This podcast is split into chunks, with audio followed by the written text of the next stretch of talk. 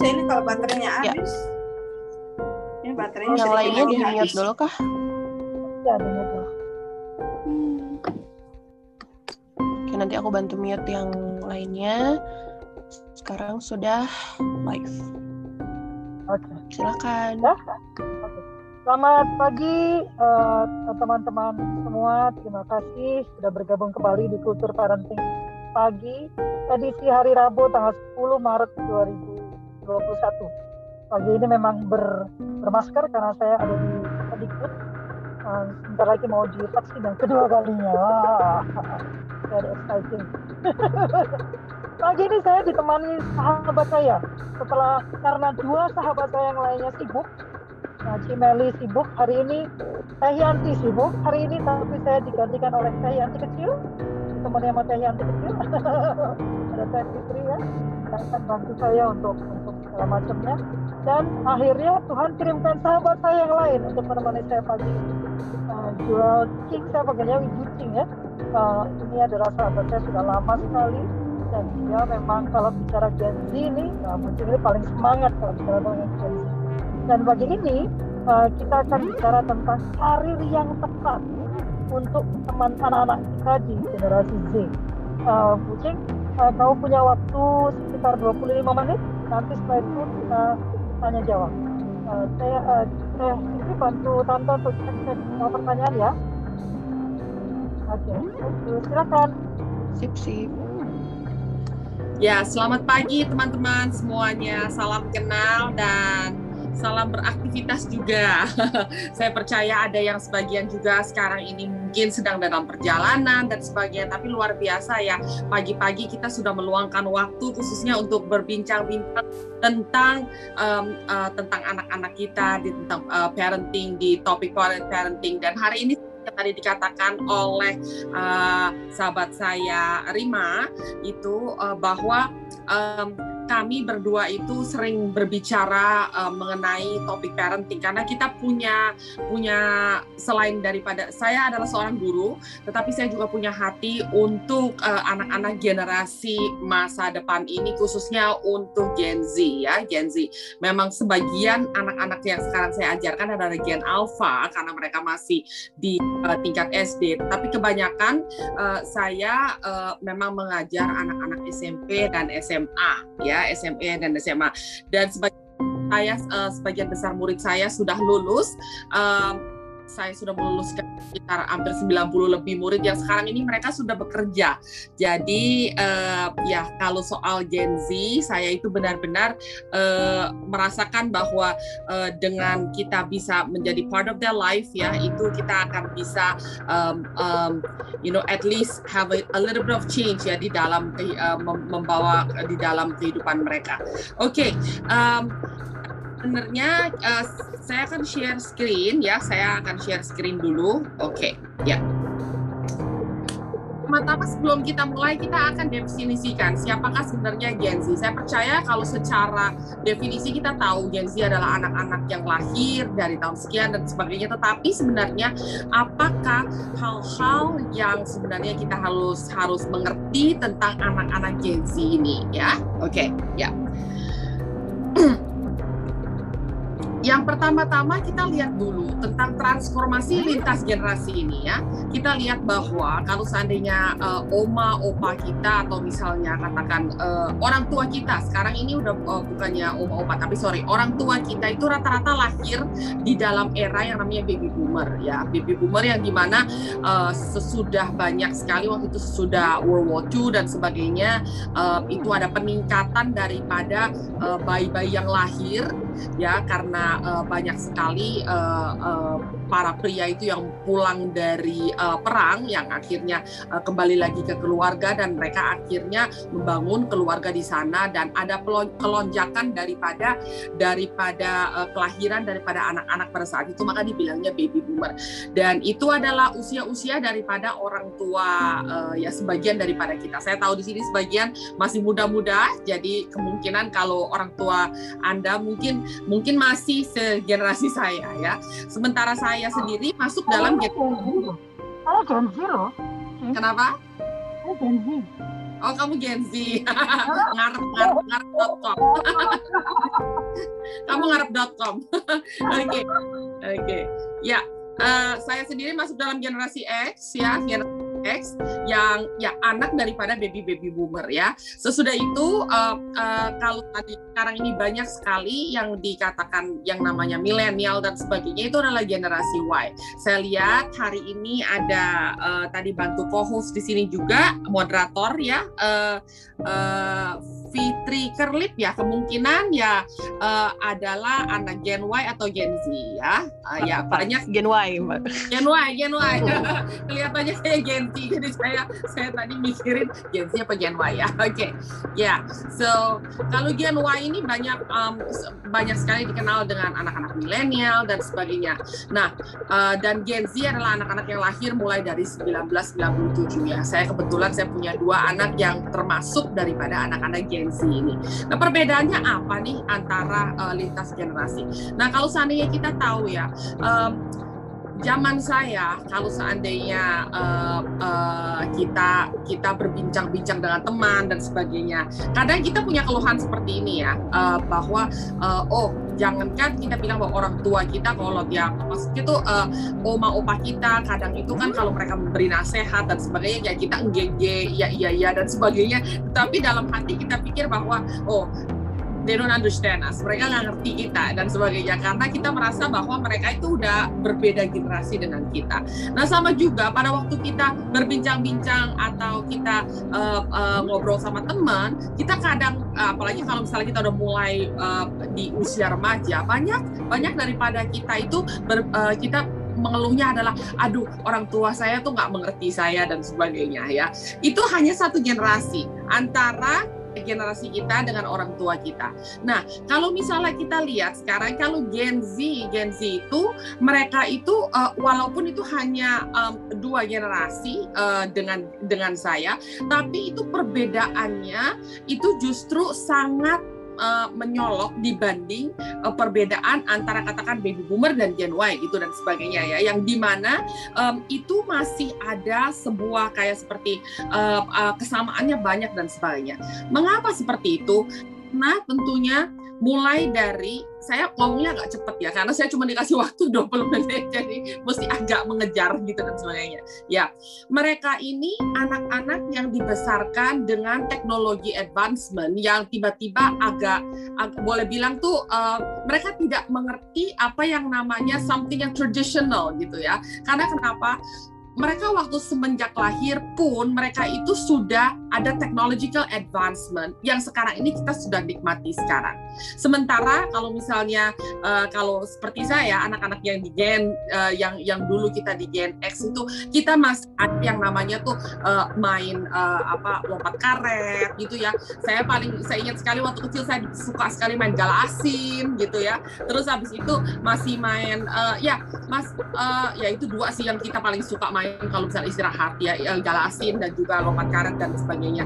Dan itu hal-hal yang uh, yang untuk kita tuh menyenangkan main bersama teman. Nah, kalau misalnya board games ya, misalnya contohnya Halma dulu, gitu monopoli kita bisa main berjam-jam dan sebagainya. Nah, hal semacam itu untuk anak-anak sekarang, mereka kan garu-garu kepala dan bilang katanya apa enaknya itu barang ya gitu ya.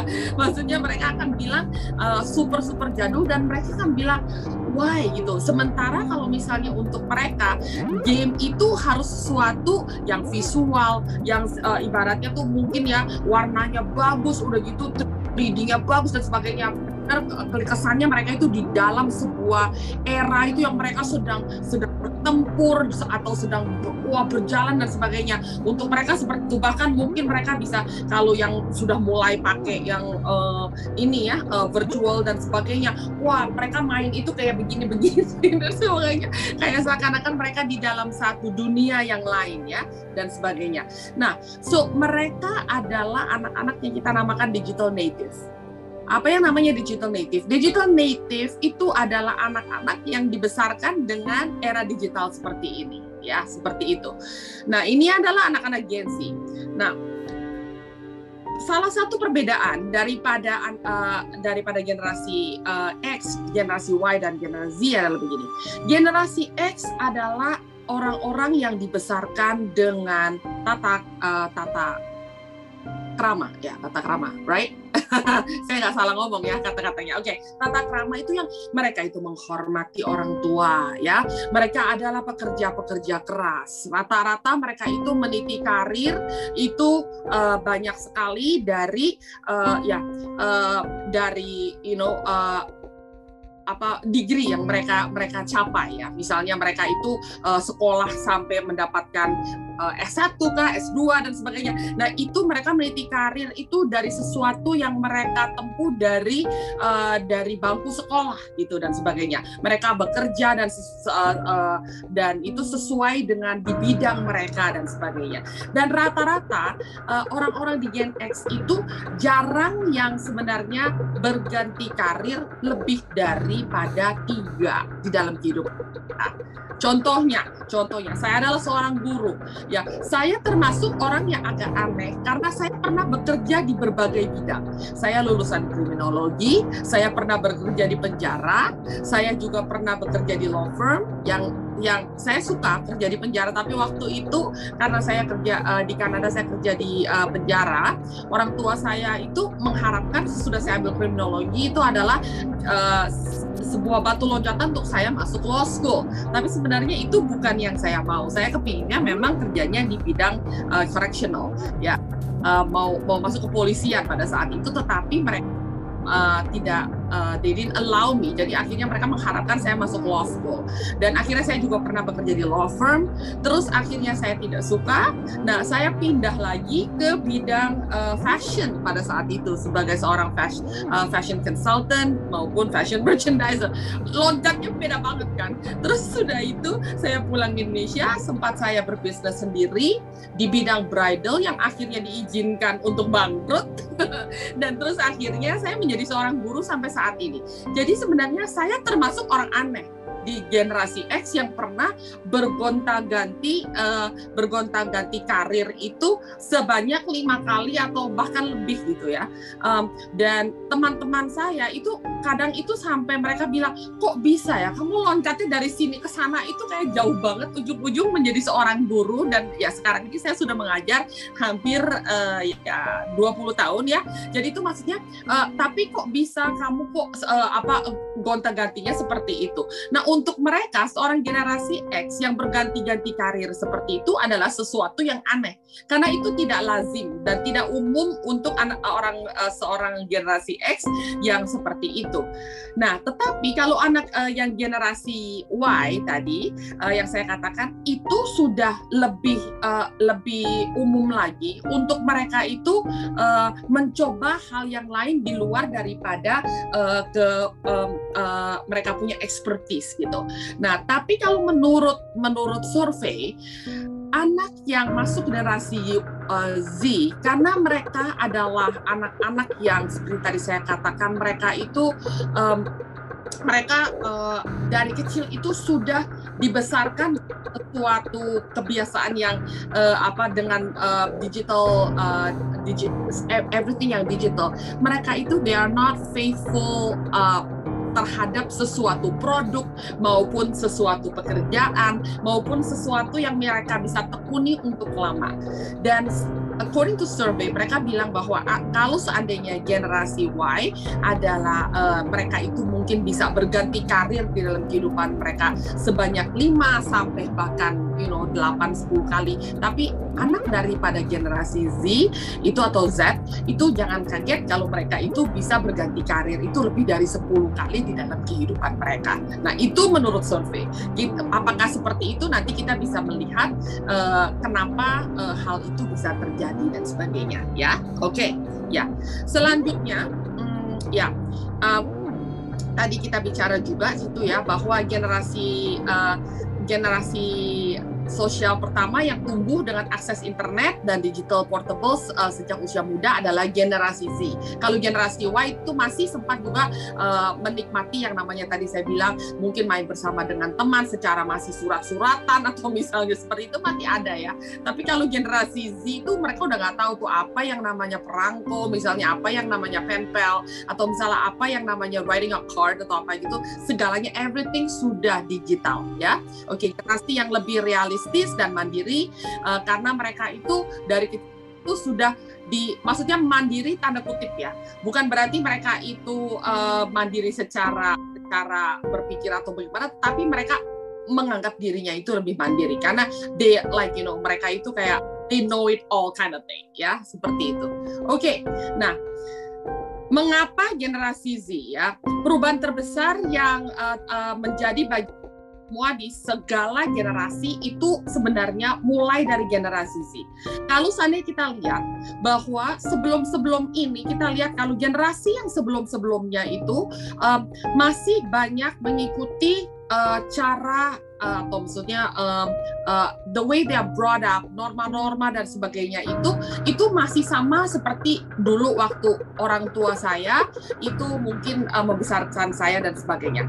Tapi kalau anak sekarang itu dengan inovasi teknologi yang bergerak dengan cepat dan sebagainya, otomatis ini uh, orang tua pun kadang itu kita banyak bertanya dan sebenarnya belajar daripada generasi ini. Sementara kalau dulu kan enggak, yang namanya mungkin orang tua saya nanya saya untuk belajar sesuatu daripada saya, sesuatu yang kayak agak tidak mungkin walaupun ya kadang-kadang mereka nanya misalnya nanya jalan atau apa gitu ya tetapi most of the time orang tua selalu merasa bahwa oh uh, uh, uh, mereka itu lebih tahu daripada anak.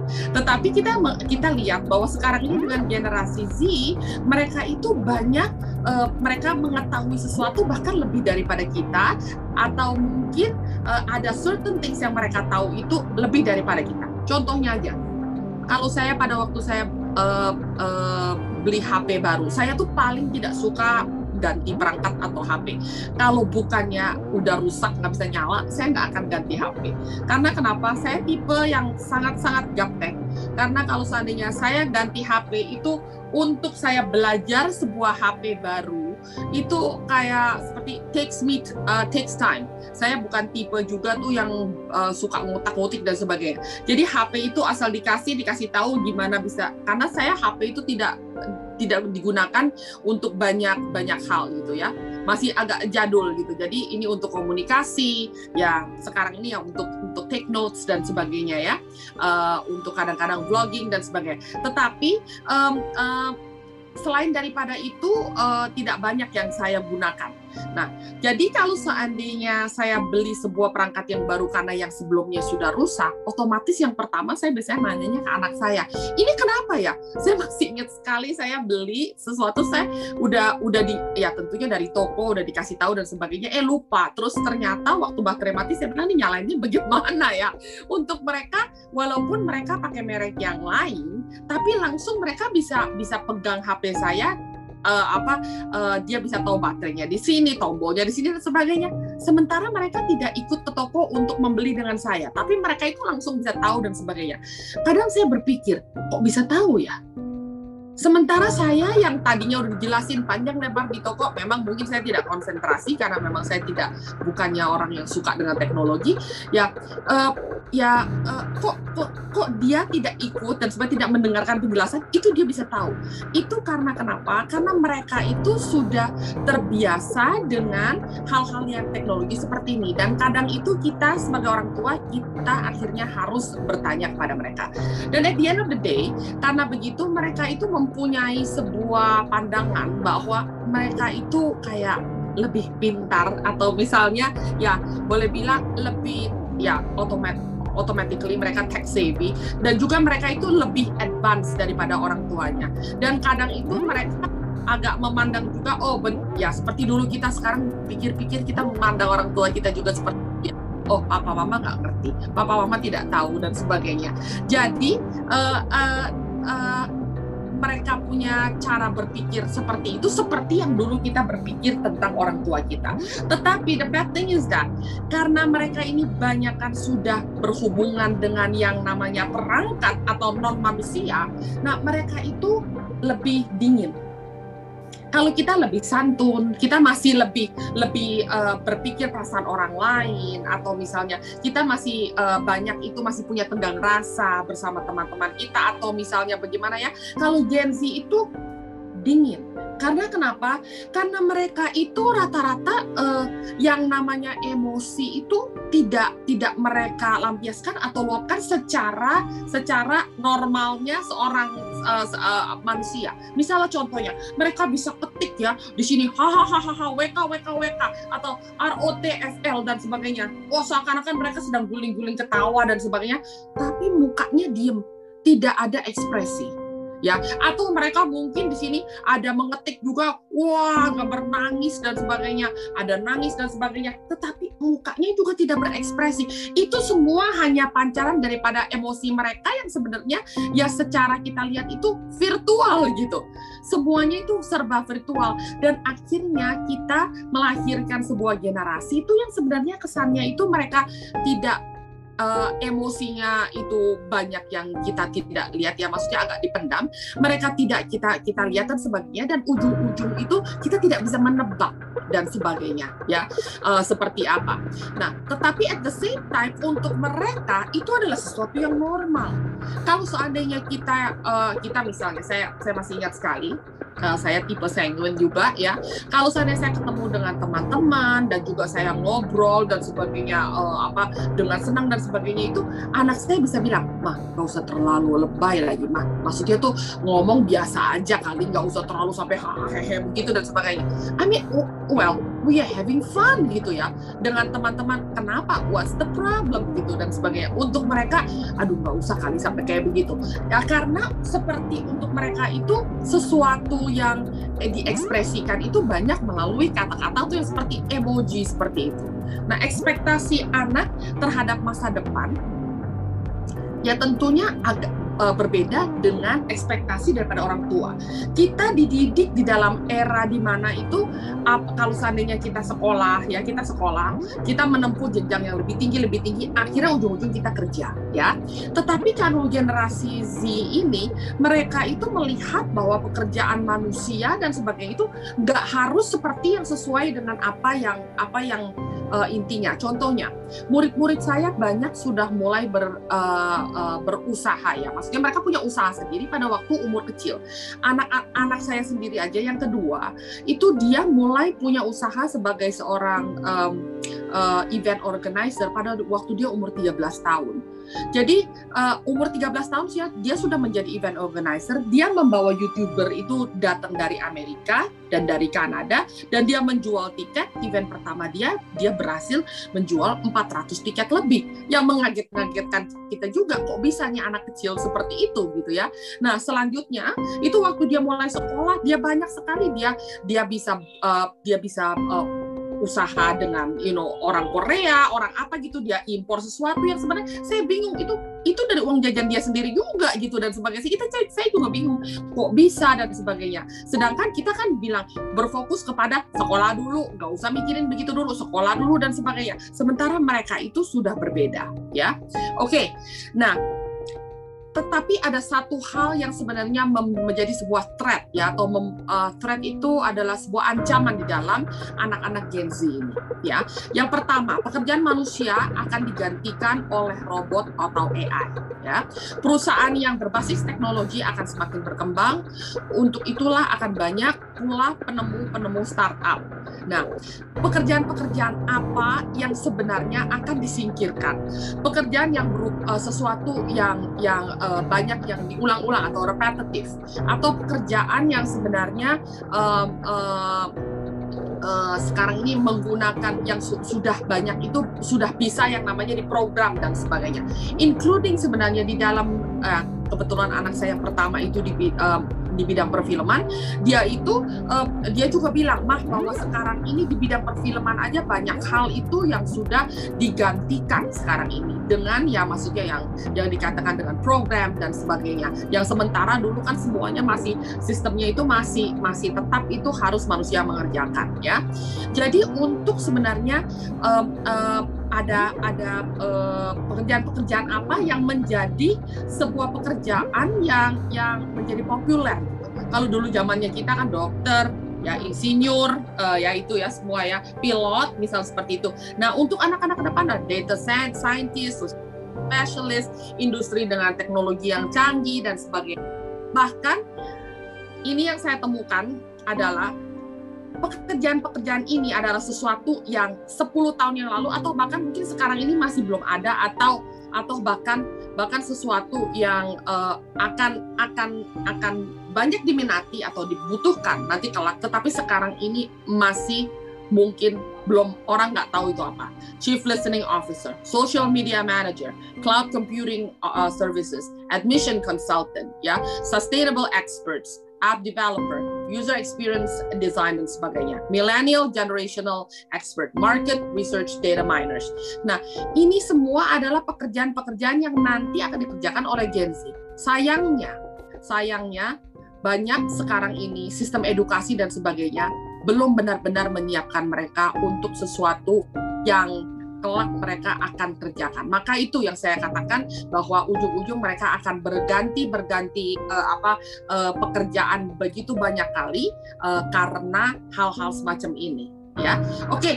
My time is up, bahkan saya sudah lebih ya. Uh, mungkin lebih enak kita langsung tanya jawab aja, ya. Oke, okay, silakan. Baru mau, di, baru mau diingetin. Udah sadar dulu.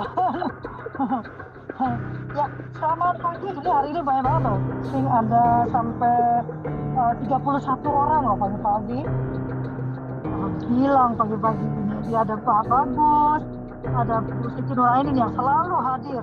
Ada Ibu Nakuro, Dopo, Nakuro, Dopo. Pak Masri, Ibu Joana, Pak Arum, Pak Yudin, Pak Irwan, Kak Rifka, banyak sekali ya luar biasa selamat datang ya. Um, uh, memang menarik sekali kalau bicara agensi ya. Uh, ini ya. Ini ada satu yang nanya nih dari Pak Joko Santo dari Facebook.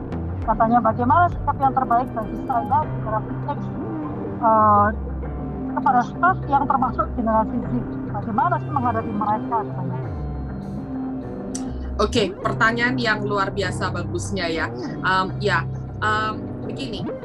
Yang pertama kita harus memahami seperti yang tadi saya katakan, memahami karakteristik daripada generasi Z ini. Yang seperti saya katakan, mereka itu uh, adalah anak-anak yang dibesarkan dengan uh, sesuatu yang yang yang yang tadi saya bilang banyak sekali virtual dan sebagainya. Jadi kalau mereka tidak berekspresi, kadang-kadang kita kita itu harus sebenarnya menuntun mereka dan berjalan bersama mereka seakan-akan ya maksud saya bukan bilang bahwa we know it all atau kita mengerti uh, fully, tetapi kita harus harus uh, berjalan dengan uh, mengetahui siapa mereka dulu ya. Seperti contohnya, kalau saya sedang berbicara dengan uh, seorang anak yang masih kecil ya, yang masih di usia TK dan sebagainya, saya tidak akan uh, bicara dengan mereka itu saya berdiri dia dia dia itu uh, uh, maksudnya itu uh, saya akan coba untuk untuk stoop down dan saya itu sejajar dengan anak tersebut dan saya bicara dengan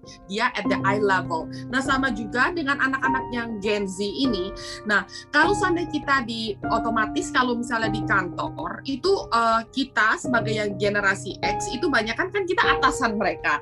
Sementara mereka itu uh, walaupun mereka itu adalah bawahan kita, a lot of times itu banyak hal yang sebenarnya kita itu cukup harus juga belajar daripada mereka dan sebagainya. So uh, kadang kita harus bertanya, kadang kita harus juga meminta mereka mengerjakan sesuatu yang kemungkinan kita nggak bisa dan sebagainya. So kalau seandainya sebelumnya itu uh, mungkin ya uh, ini ini di Indonesia soalnya saya lihat bahwa uh, banyak orang merasa bahwa kalau orang yang lebih tua uh, itu uh, menanyakan sesuatu kepada orang yang lebih muda dan sebagainya kadang itu gengsi ya atau misalnya orang yang lebih lebih di uh, maksudnya atasan tanya sesuatu atau misalnya kepada bawahannya juga gengsi dan sebagainya. Sementara kalau kita uh, di luar tuh tidak uh, tidak seperti itu. Jadi kita bekerja itu maksudnya kalau misalnya dalam teamwork dan sebagainya itu uh, antara atasan dan bawahan itu kita kita bisa punya satu satu uh, kayak seperti uh, kita bisa membaur itu dengan dengan baik karena tidak ada yang namanya gengsi tersebut. Dan sementara saya rasa anak-anak gengsi itu lebih apresiasi kalau seandainya kita yang dari Gen X itu memang kalau ada sesuatu yang kita nggak tahu itu kita ngaku nggak tahu dan misalnya kita harus uh, bertanya kepada mereka atau misalnya kadang-kadang meminta bantu dan sebagainya just be sincere dan maksudnya be open about it and I'm pretty sure mereka itu akan dengan senang hati membantu uh, tanpa mereka berpikir oh ini atasan tetapi kok nggak tahu dan sebagainya. Mereka cukup bisa apresiasi hal itu.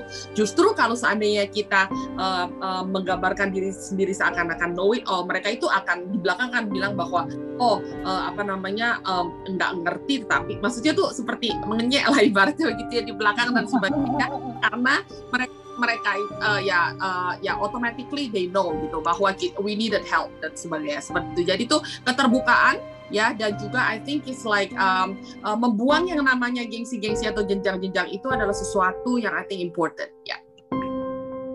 Uh, uh, Fitri boleh ini uh, pemandangannya dibuat uh, uh, speaker view jadi supaya nanti saya yang bicara tersorot ya karena kantor Rossi nggak bisa mengendalikan dari sini. Thank you. Ya menarik sekali ya sebetulnya kalau bicara tentang uh, bagaimana menghadapi para generasi seperti ini.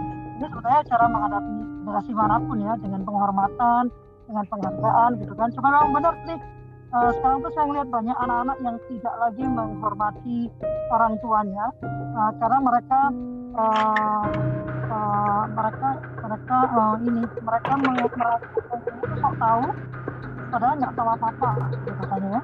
Uh, karena kita sering kali merasa kita lebih harusnya kan orang tua lebih tahu. Sementara anak-anak Gen Z ini tadi yang disebut native apa native apa uh, uh, apa native. Digital native digital native. Jadi lebih cepat mereka kalau mencari tahu tentang sesuatu hal yang baru itu lebih cepat mereka gitu kan. Ini ada beberapa pertanyaan lagi nih. Nanti teman-teman yang yang ingin langsung bertanya boleh raise hand ya. Nanti akan diberi kesempatan untuk bertanya langsung pertanyaannya nih uh, Joel halo Pli halo Yes. halo Pli Yes, saya mendengar. Siapakah ini? Ya. Oh, saya pakai pakai Ya. handphone. ya ya saya Pak Anil Oh, Pak Anil. Kok Ya. kacamata?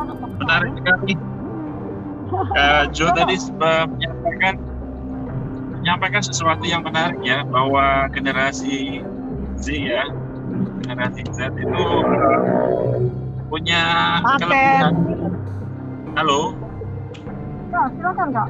Ya, punya- buku buku Nah, buku punya kelebihan di dalam uh, respon terhadap teknologi ya Mhm. khususnya dengan informasi teknologi.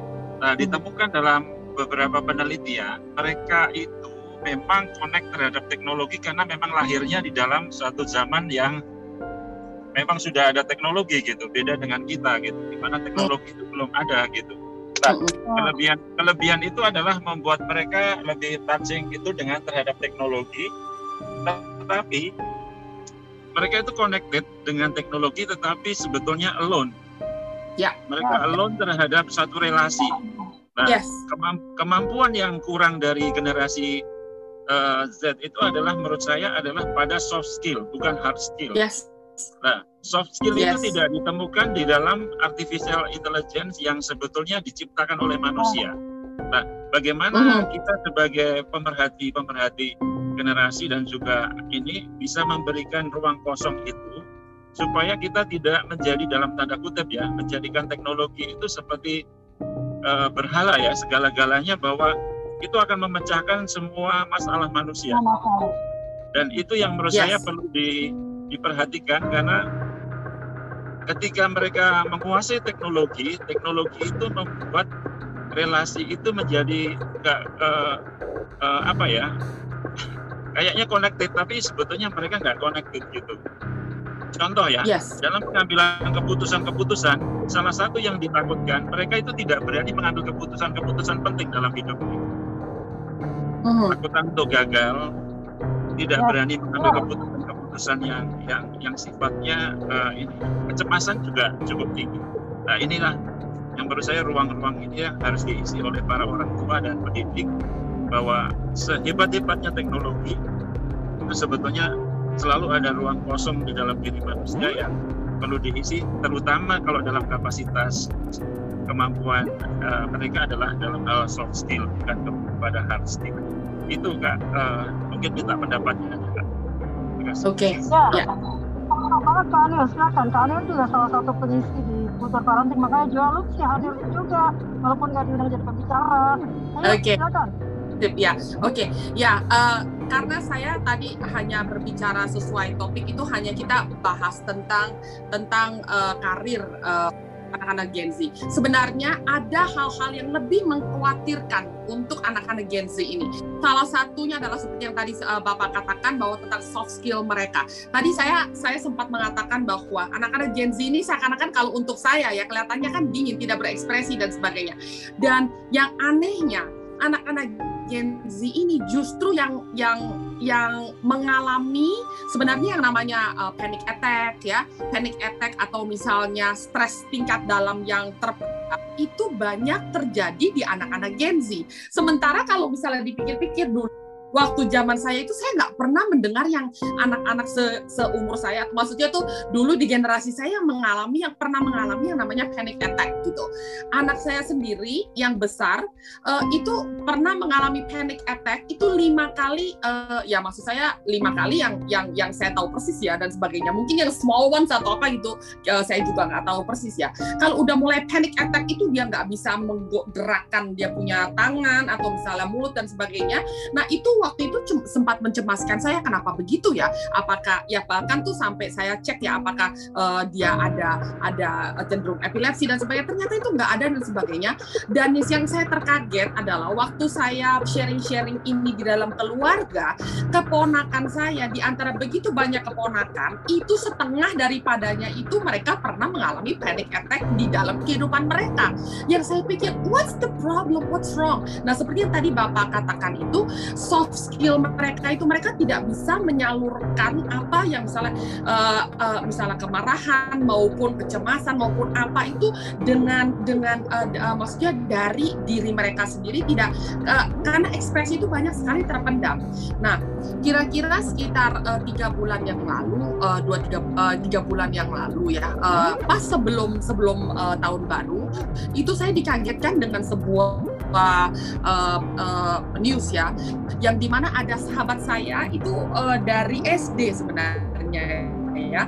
Ini anaknya itu um, meninggal karena uh, dia uh, bunuh diri dan anaknya itu uh, umur 14 tahun 14 tahun dan uh, dia itu uh, menggantung uh, gantung diri itu uh, di kamar mandi dan pada saat itu saya rasa mungkin banyak orang uh, orang tua atau apa pernah uh, mendapatkan berita ini melalui WhatsApp dan sebagainya dan yang saya kaget adalah bahwa ada sebuah situs ada sebuah situs. Ini dalam berbahasa Inggris ya.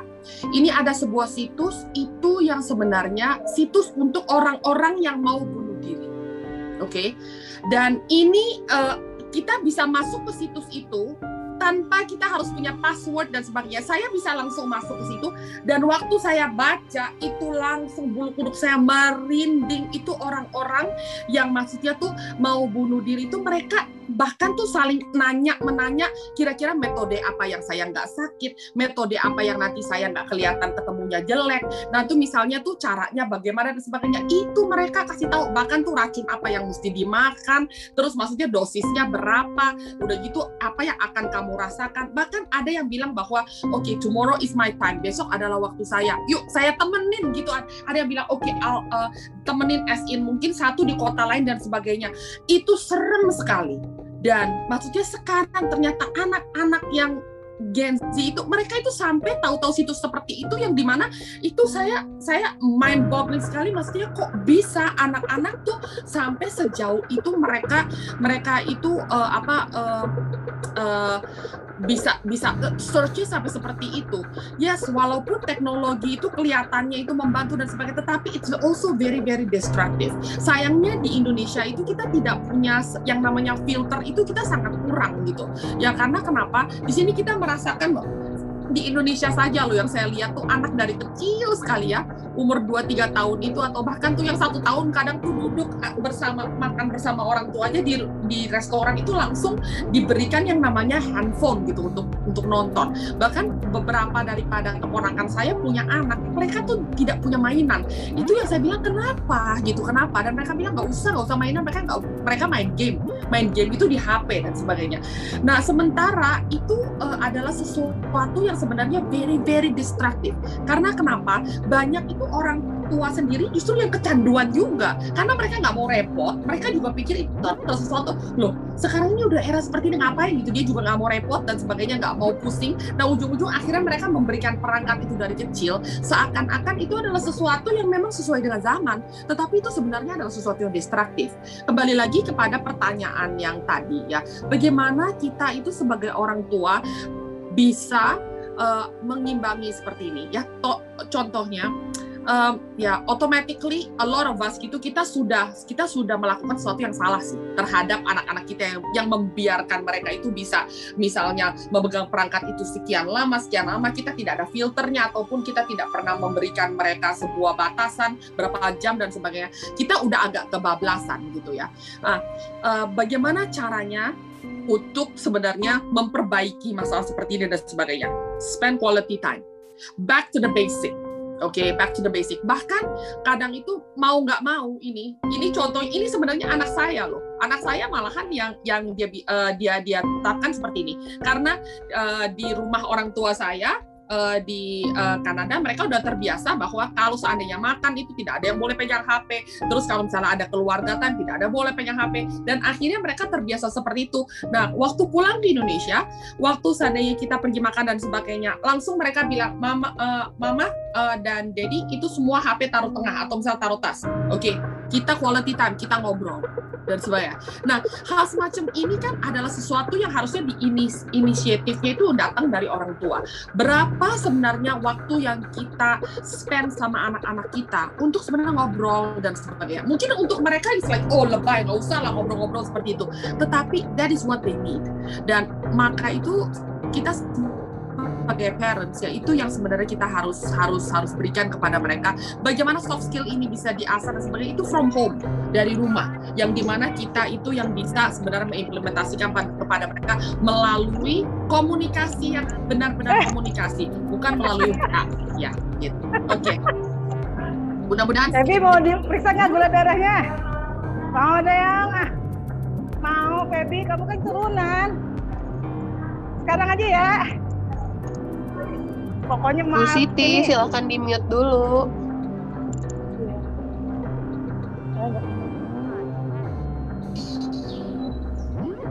Halo, saya boleh komentar ya? Ya. Boleh, boleh, boleh Pak Bagus. Dokter. Ya, tadi benar nih kata Bu Jun ya. Terakhir nih, ketika anaknya ke Kanada itu kan. Hmm. Jadi mereka mengerti di Kanada bahwa kita di Undang-Undang Pendidikan PAUD itu tidak ada striknya tidak ada batasan. Sehingga anak-anak kita ini diberi calisto. Itu kan sudah meninggalkan apa yang disebut vestibuler, motorik kasar, motorik halus. Ya. Padahal manusia itu dilahirkan adalah sosial. Yes. Dan ini harus dibikin di awal ini sebelum dia pegang-pegang handphone itu. Ya kan? Dan ini yang tidak diperhatikan oleh uh, apa pengambil kebijakan di kita. Bahkan orang tua ngomong kalau sekolah tidak ada calistungnya itu TK itu abal-abal. Hah, ya. saya baru ini saya ada di sekolah ya karena ini apa PPDB saya tes itu semua hampir seluruhnya TK TK itu anak-anak lulusan TK hancur semua mengenai keterampilan kognisi ya dan penelitian itu saya udah lihat ya waktu sinod tahun 2012 ada lima negara ASEAN ini yang terlibat di situ. Indonesia itu 17,3 anak yang tidak siap masuk SD waktu tahun 2010. saya nggak tahu sekarang ya kan karena dia sudah langsung handphone dan sebagainya kan dan ini saya tes ini sekarang ini. Hanya satu yang mulus motorik halus motorik kasarnya. Hanya satu. Saya tanya sekolahnya di mana? Sekarang ternyata dia sekolah alam. Oh, bermain ya. Tidak di kelas. Nah mestinya para kam- pengambil kebijakan mikir dong di sini makanya anak-anak kita itu sopan santunnya sudah nggak ada Betul. karena dunianya udah berubah ya kan? Motorik kasar ini saya baru kemarin ini ada tiga orang. Satu pun nggak ada. Eh, itu sembilan orang. Satu pun nggak ada. Waktu pertama awal tuh ada yang dari apa sekolah alam tuh mulus semua motor balusnya wah ini nanti anak ini jadi interpreter karena anak ini nggak bisa dibohongi. Semua tahu? Tapi anak-anak yang tadi itu yang motor kasarnya terutama vestibular tadi ada cerita mengenai bunuh diri ini nanti waktu nanti waktu saya akan saya terangkan kenapa bisa. Karena yang ekstrovert itu hilang. Hanya ada introvert Mhm. di vestibuler. Kan vestibuler itu ada dua ya, sakulus dan utriculus. Nah, utriculus ini yang ada dua bagian, yang satunya yang ke ekstrovert, satunya introvert. Ekstrovertnya hilang nanda diasah di waktu TK ini, makanya dia senang dengan yang menyendiri. Nah, ini bahaya oh. introvert. Nah, ini yang bahaya. Jadi pernah ada seminar ada apa dengan bunuh diri waktu itu nggak ada yang bisa jawab. Saya ketawa-ketawa. Saya nggak mau jawab di situ kan. Saya nanti dikira sok tahu karena saya kan bukan seorang psikiatri. Saya udah kenal. Ini kalau dites pasti ekstrovertnya nggak ada no introvertnya. Makanya saya bisa menentukan apakah ini SPD atau ASD ya kan di sekolah ini karena ini nanti saya akan tentukan ini inklusi atau ini reguler gitu. dengan tes. Makanya saya ingin cita-citanya ingin ada pusat penyelarasan visi supaya orang tua itu tahu. Duh, kenapa anak saya begini dan begitu? Nah ini yang tadi disinggung oleh Pak Anil ini mengenai soft soft skill. Nah, ini yang berbahaya di kita. Kita cerabut sebetulnya itu waktu Gus Dur jadi presiden kalau dia nggak dilengsarkan dia akan runtuh untuk menyelesaikan mengenai PAUD disease fitness artinya apa? Yang ibu menyusui itu akan diberi tunjangan pendidikan buat anak. Nggak boleh meninggalkan. Terus yang PAUD akan digaji yang benar tapi dia pakai tes keterampilan kognitif bukan calis nah setelah itu silahkan. Orang tua mau pakai gadget dan sebagainya yang penting anak ini sudah matang sehingga dia akan bisa menentukan kebijakannya menggunakan gadget. Ini yang tidak disadari. Sekarang semua berlomba-lomba dengan calistung. Permainan per, yang bukan permainan ya, diabstrakkan anak itu. Karena itu kan harus bermain konkret. Mhm. Diabstrakkan, terus dikasih gadget. Nah ini bahaya di kita. Makanya nanti pada suatu saat, makanya ada penelitian satu Sikanasawa itu budaya ini yang dipentingkan di, dulu. Betul. Budaya ini yang di awal. Jadi jangan coba-coba calistung ngambil Westler dari luar negeri. Itu semua racun menurut Hmm. saya. Ya, Saya udah ngalamin nih ngetes di di berkali diminta student gua ngetes untuk tahu apa inklusi atau. Ya, jadi tes saya ini belum ada yang pakai gitu. Tapi orang-orang udah mulai itu aja dari Pak Bagus saja biar tahu ini inklusi atau enggak. Makanya saya kirim ke Land Academy, di Land Academy itu yang anak-anak yang terpaksa harus di apa di dikoreksi itu di Land Academy. Saya taruh di Land. Yang sebetulnya itu cikal bakal dari PPK gitu. Kalau misalnya PPK ini pusat penyelarasan provinsi ada di seluruh kecamatan, orang tua barakalan tahu oh, salah saya. Oh, gitu. Sampai nanti reproduksi siap cerdas pun saya akan tunjukkan kayak begini. Jadi anak-anak yang disesar belum pakai mules, nah bahaya itu mules. Karena mules itu memperbaiki vestibuler. Ini kan orang milih tanggal cantik. Coba aja anak-anak tanggal cantik itu kakak Tuhan semua kelakuan.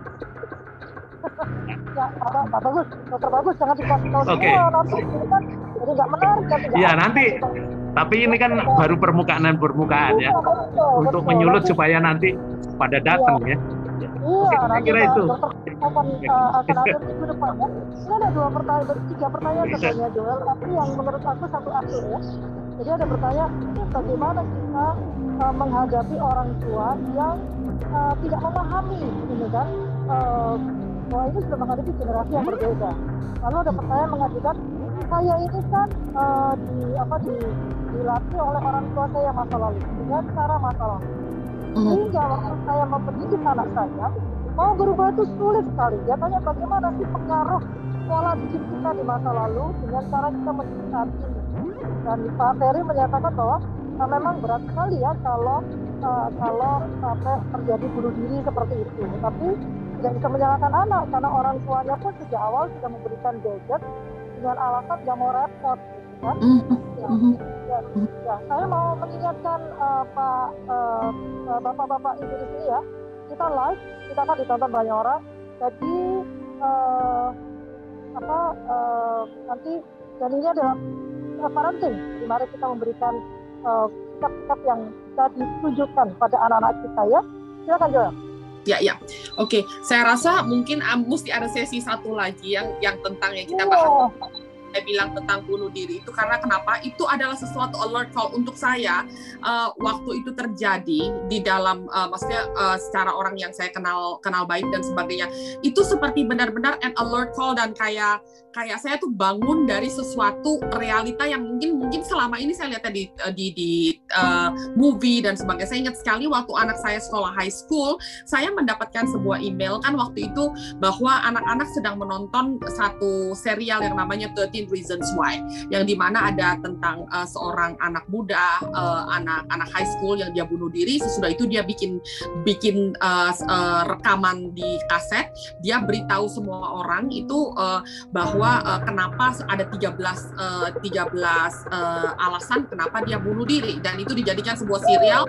Dan um, dan pada saat itu saya nggak tahu tentang serial itu. Anak saya bil waktu saya uh, waktu saya mendapatkan email itu saya nanya anak saya uh, ada serial ini? Dia bilang kata oh itu semua orang udah nonton bagus mah dan sebagainya. Dan akhirnya mau nggak mau saya nonton kan. Nonton dan ya mungkin nanti seperti itu nanti saya akan bahas lagi nanti sesi yang um, sesi lain kali ya. Tapi balik lagi ke pertanyaan tadi bagaimana kita cara menyingkapi dan atau uh, kita bagaimana cara menghadapi anak-anak yang memang udah ibaratnya seakan-akan terlanjur ya terlanjur seperti yang kita sudah mendidik mereka dengan cara salah dan sebagainya. Pertama, yang namanya harus detox. Detox yang namanya gadget itu orang tua dulu gitu loh. Um, saya nggak tahu bagaimana dengan anda yang sebenarnya yang memerhatikan ini justru ya saya bilang karena ini di Indonesia kita tidak tidak merasa dengan bahwa kita itu sebenarnya semua kecanduan gadget gitu. Mungkin kita orang di Indonesia nggak berasa karena everybody's like that. Tapi waktu saya balik ke uh, saya uh, balik ke Kanada itu ya justru adik-adik saya orang tua semua pada bilang katanya keluarga keluarga kamu ya katanya. Aduh itu parah banget katanya. Gadget ke mana-mana itu handphone begitu dipegang ke mana-mana dan sebagainya. Orang lagi ngobrol juga lu pegang handphone walaupun lu katakan uh, uh, mendengarkan dan sebagainya. Makan juga ada handphone di sebelah dan sebagainya. Siapa sih akan telepon kamu terus dan sebagainya? Jadi untuk hal semacam ini justru kita lihat justru di Asia ini adalah yang sebenarnya yang yang um, ya khususnya Indonesia saya lihat ya. Pasti saya saya kalau seandainya bertemu dengan teman yang di Singapura dan sebagainya juga itu mereka masih punya batasannya kalau kita pergi makan dan sebagainya. Handphone tuh tetap semua di tas gitu loh. Di Indonesia itu yang handphone di atas meja gitu dan sebagainya. Jadi uh, saya lihat bahwa kita ini agak kebablasan soal ini. Dan banyak yang sebenarnya harus melakukan detox untuk un- uh, untuk ini adalah sebenarnya orang tua dulu. Dan dan itu sebenarnya yang kita bisa menjadi panutan atau contoh kalau seandainya kita bisa melakukannya sendiri. Bayangin aja waktu sekitar berapa bulan yang lalu Facebook saya itu dihack ya. Facebook saya dihack akhirnya saya decide untuk saya tidak mau ada Facebook sama sekali. Dan ternyata itu benar-benar akhirnya saya punya banyak waktu membaca dan sebagainya. Padahal ngapain sih saya? Maksudnya gini saya bukan bilang Facebook nggak bagus ya. Uh, tetapi maksudnya kadang itu kita nggak nggak rasa dengan kita browsing social media kita entah itu Facebook IG bahkan sekarang ada Telegram dan sebagainya itu dua tiga jam just go by like that loh ya kan setiap hari. Dan itu ngapain sih sebenarnya kita kepoin uh, apa orang punya feed atau story dan sebagainya? Sebenarnya tak penting juga kan ya. Tetapi ya kita kita nggak merasa bahwa itu sebenarnya yang sudah mengikat kita. Dan pada waktu kita mau mendidik anak kita seperti itu mengatakan oi jangan jangan jangan terlalu banyak kamu uh, di perangkat dan sebagainya itu nggak bisa. Karena mereka melihat kita sendiri begitu berapa daripada kita bangun yang pertama itu ya? Kalau misalnya dulu itu kita bangun kita berdoa dulu gitu atau bagaimana? Atau misalnya uh, ya do something yang lebih konstruktif gitu. Tapi sekarang ini bangun kan langsung kita cek dulu ada notifikasi apa enggak atau misalnya apa. Kadang tuh sekali sekali itu um, uh, sekali kita lihat aja tuh oh 20 menit 10 menit atau bahkan 30 menit gone gitu ya dan sebagainya. Jadi itu adalah sesuatu yang sebenarnya alert call untuk mulai dari diri kita dulu. Kita itu yang harus sebenarnya melakukan yang menjadi panutan gitu. Dan yang kita penting kita tahu juga bahwa this is something destructive. Jadi tuh janganlah kita tuh membanggakan bahwa oh anak kita kecil-kecil udah bisa oh, HP sebagainya itu itu adalah banget tuh cari YouTube. Anakku ya. baru dua tahun loh. Ah, satu tahun. Pinter banget loh nyari YouTube. Jadi bisa buka YouTube sendiri loh. Dan saya memandang dengan takut iya. Iya iya iya iya. Oke. Silakan. Ya. Uh, uh, Pak Ferry, itulah kenapa kita menyelenggarakan kultur parenting pagi. Memang uh, seperti Kak Meli selalu bilang, parenting ini uh, apa parenting ini apa uh, parenting itu itu bukan sesuatu yang quote unquote seksi bukan sesuatu yang menarik. Saya senang sekali kultur parenting ini dari pagi ke pagi.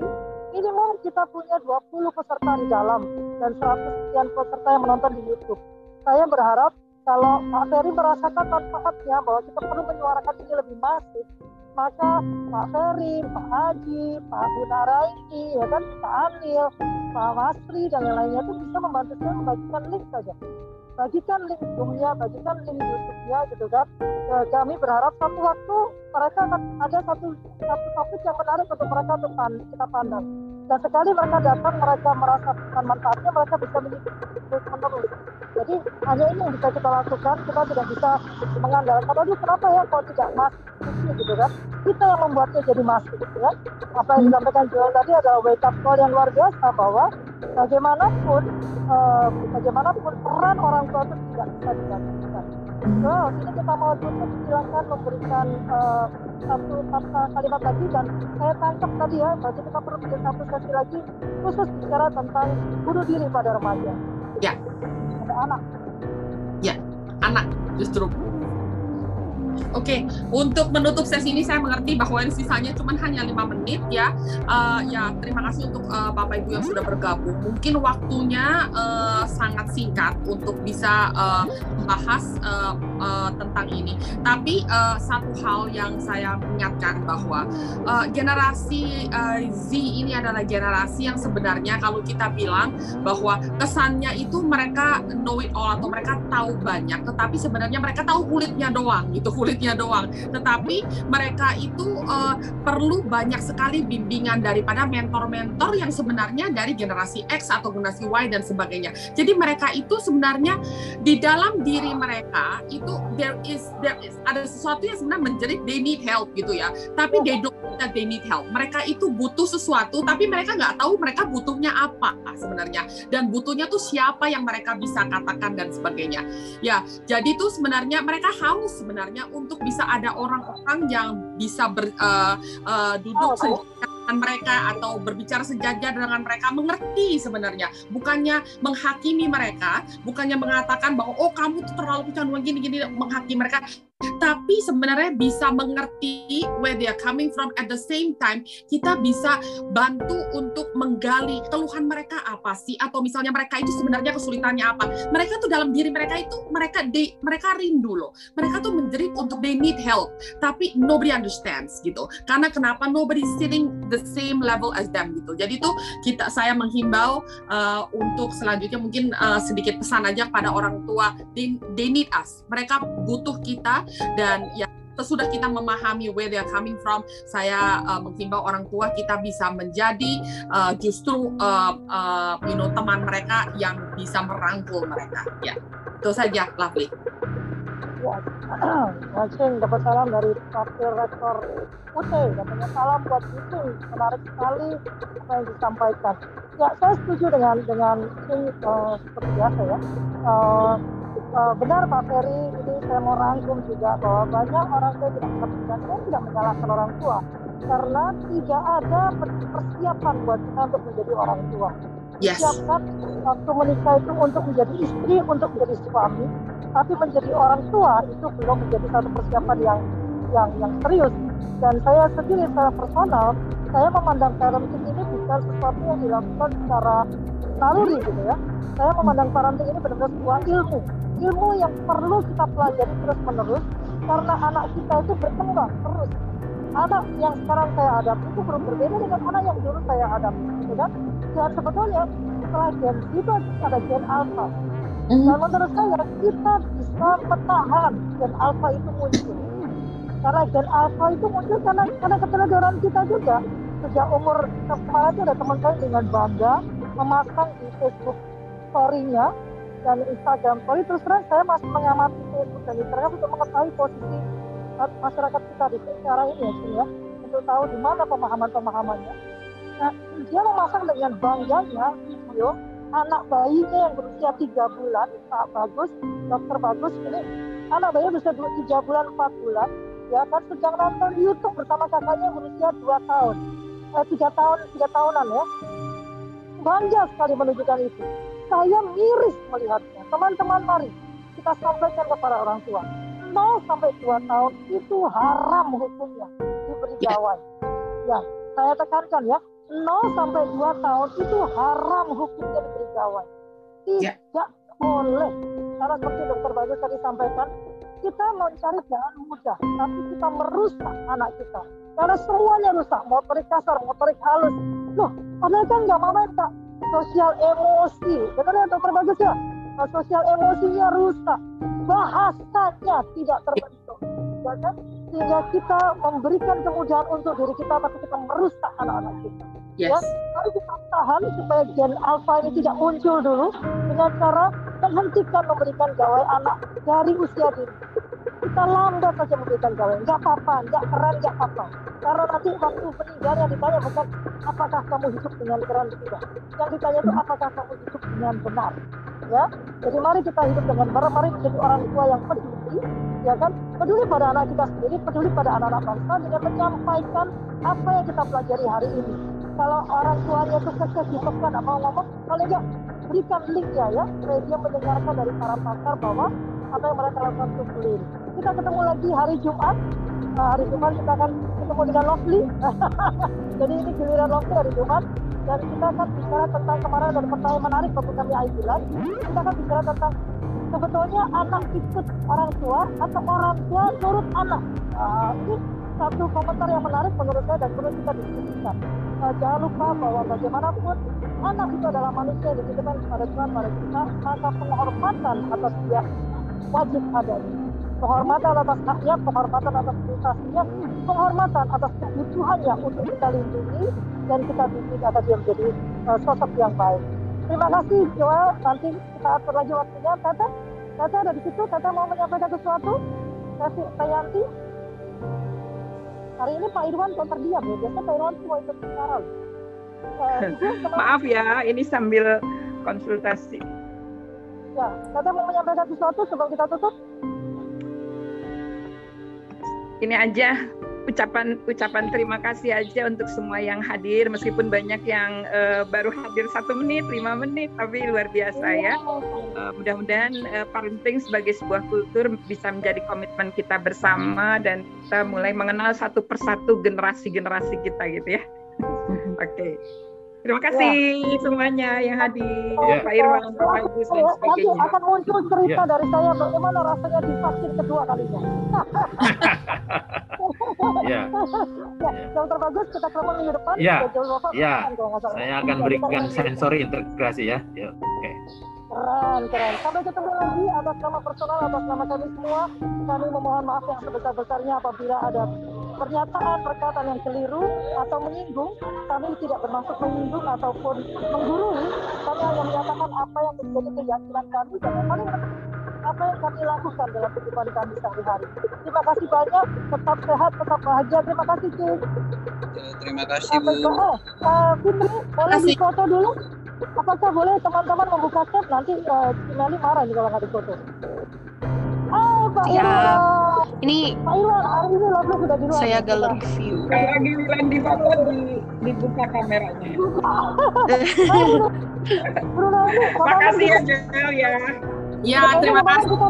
Ini ada ada Mbak Hikmah nih, nanti ngisi juga Mbak Hikmah. Ya, ayo silakan. Kasih Pak Jantan orang. Waduh. Ibu Misdawati. Wah, ini Kak Johnson hadir, Kak Jo hadir, Pak Masri. Hari buka semuanya. Tadi ada dari KJRI Beripka hadir, Pak semuanya.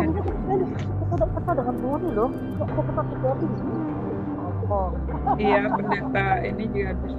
Oh, diisi uh, apa? Uh, Bagaimana yang sudah bisa open cam? Ayo di foto bareng senyum. Ada foto nih, ayo bisa senyum, nggak kelihatan. Nah ya. eh, eh, eh, kabar baik loh RUU kependudukan dan keluarga masuk loh di prolegnas. Ayo kita kawal ya parenting sebagai kultur. Siap, siap, Mm-mm. Siap. Sip, saya kasih apa-apa ya. Tiga, dua, satu. Hmm.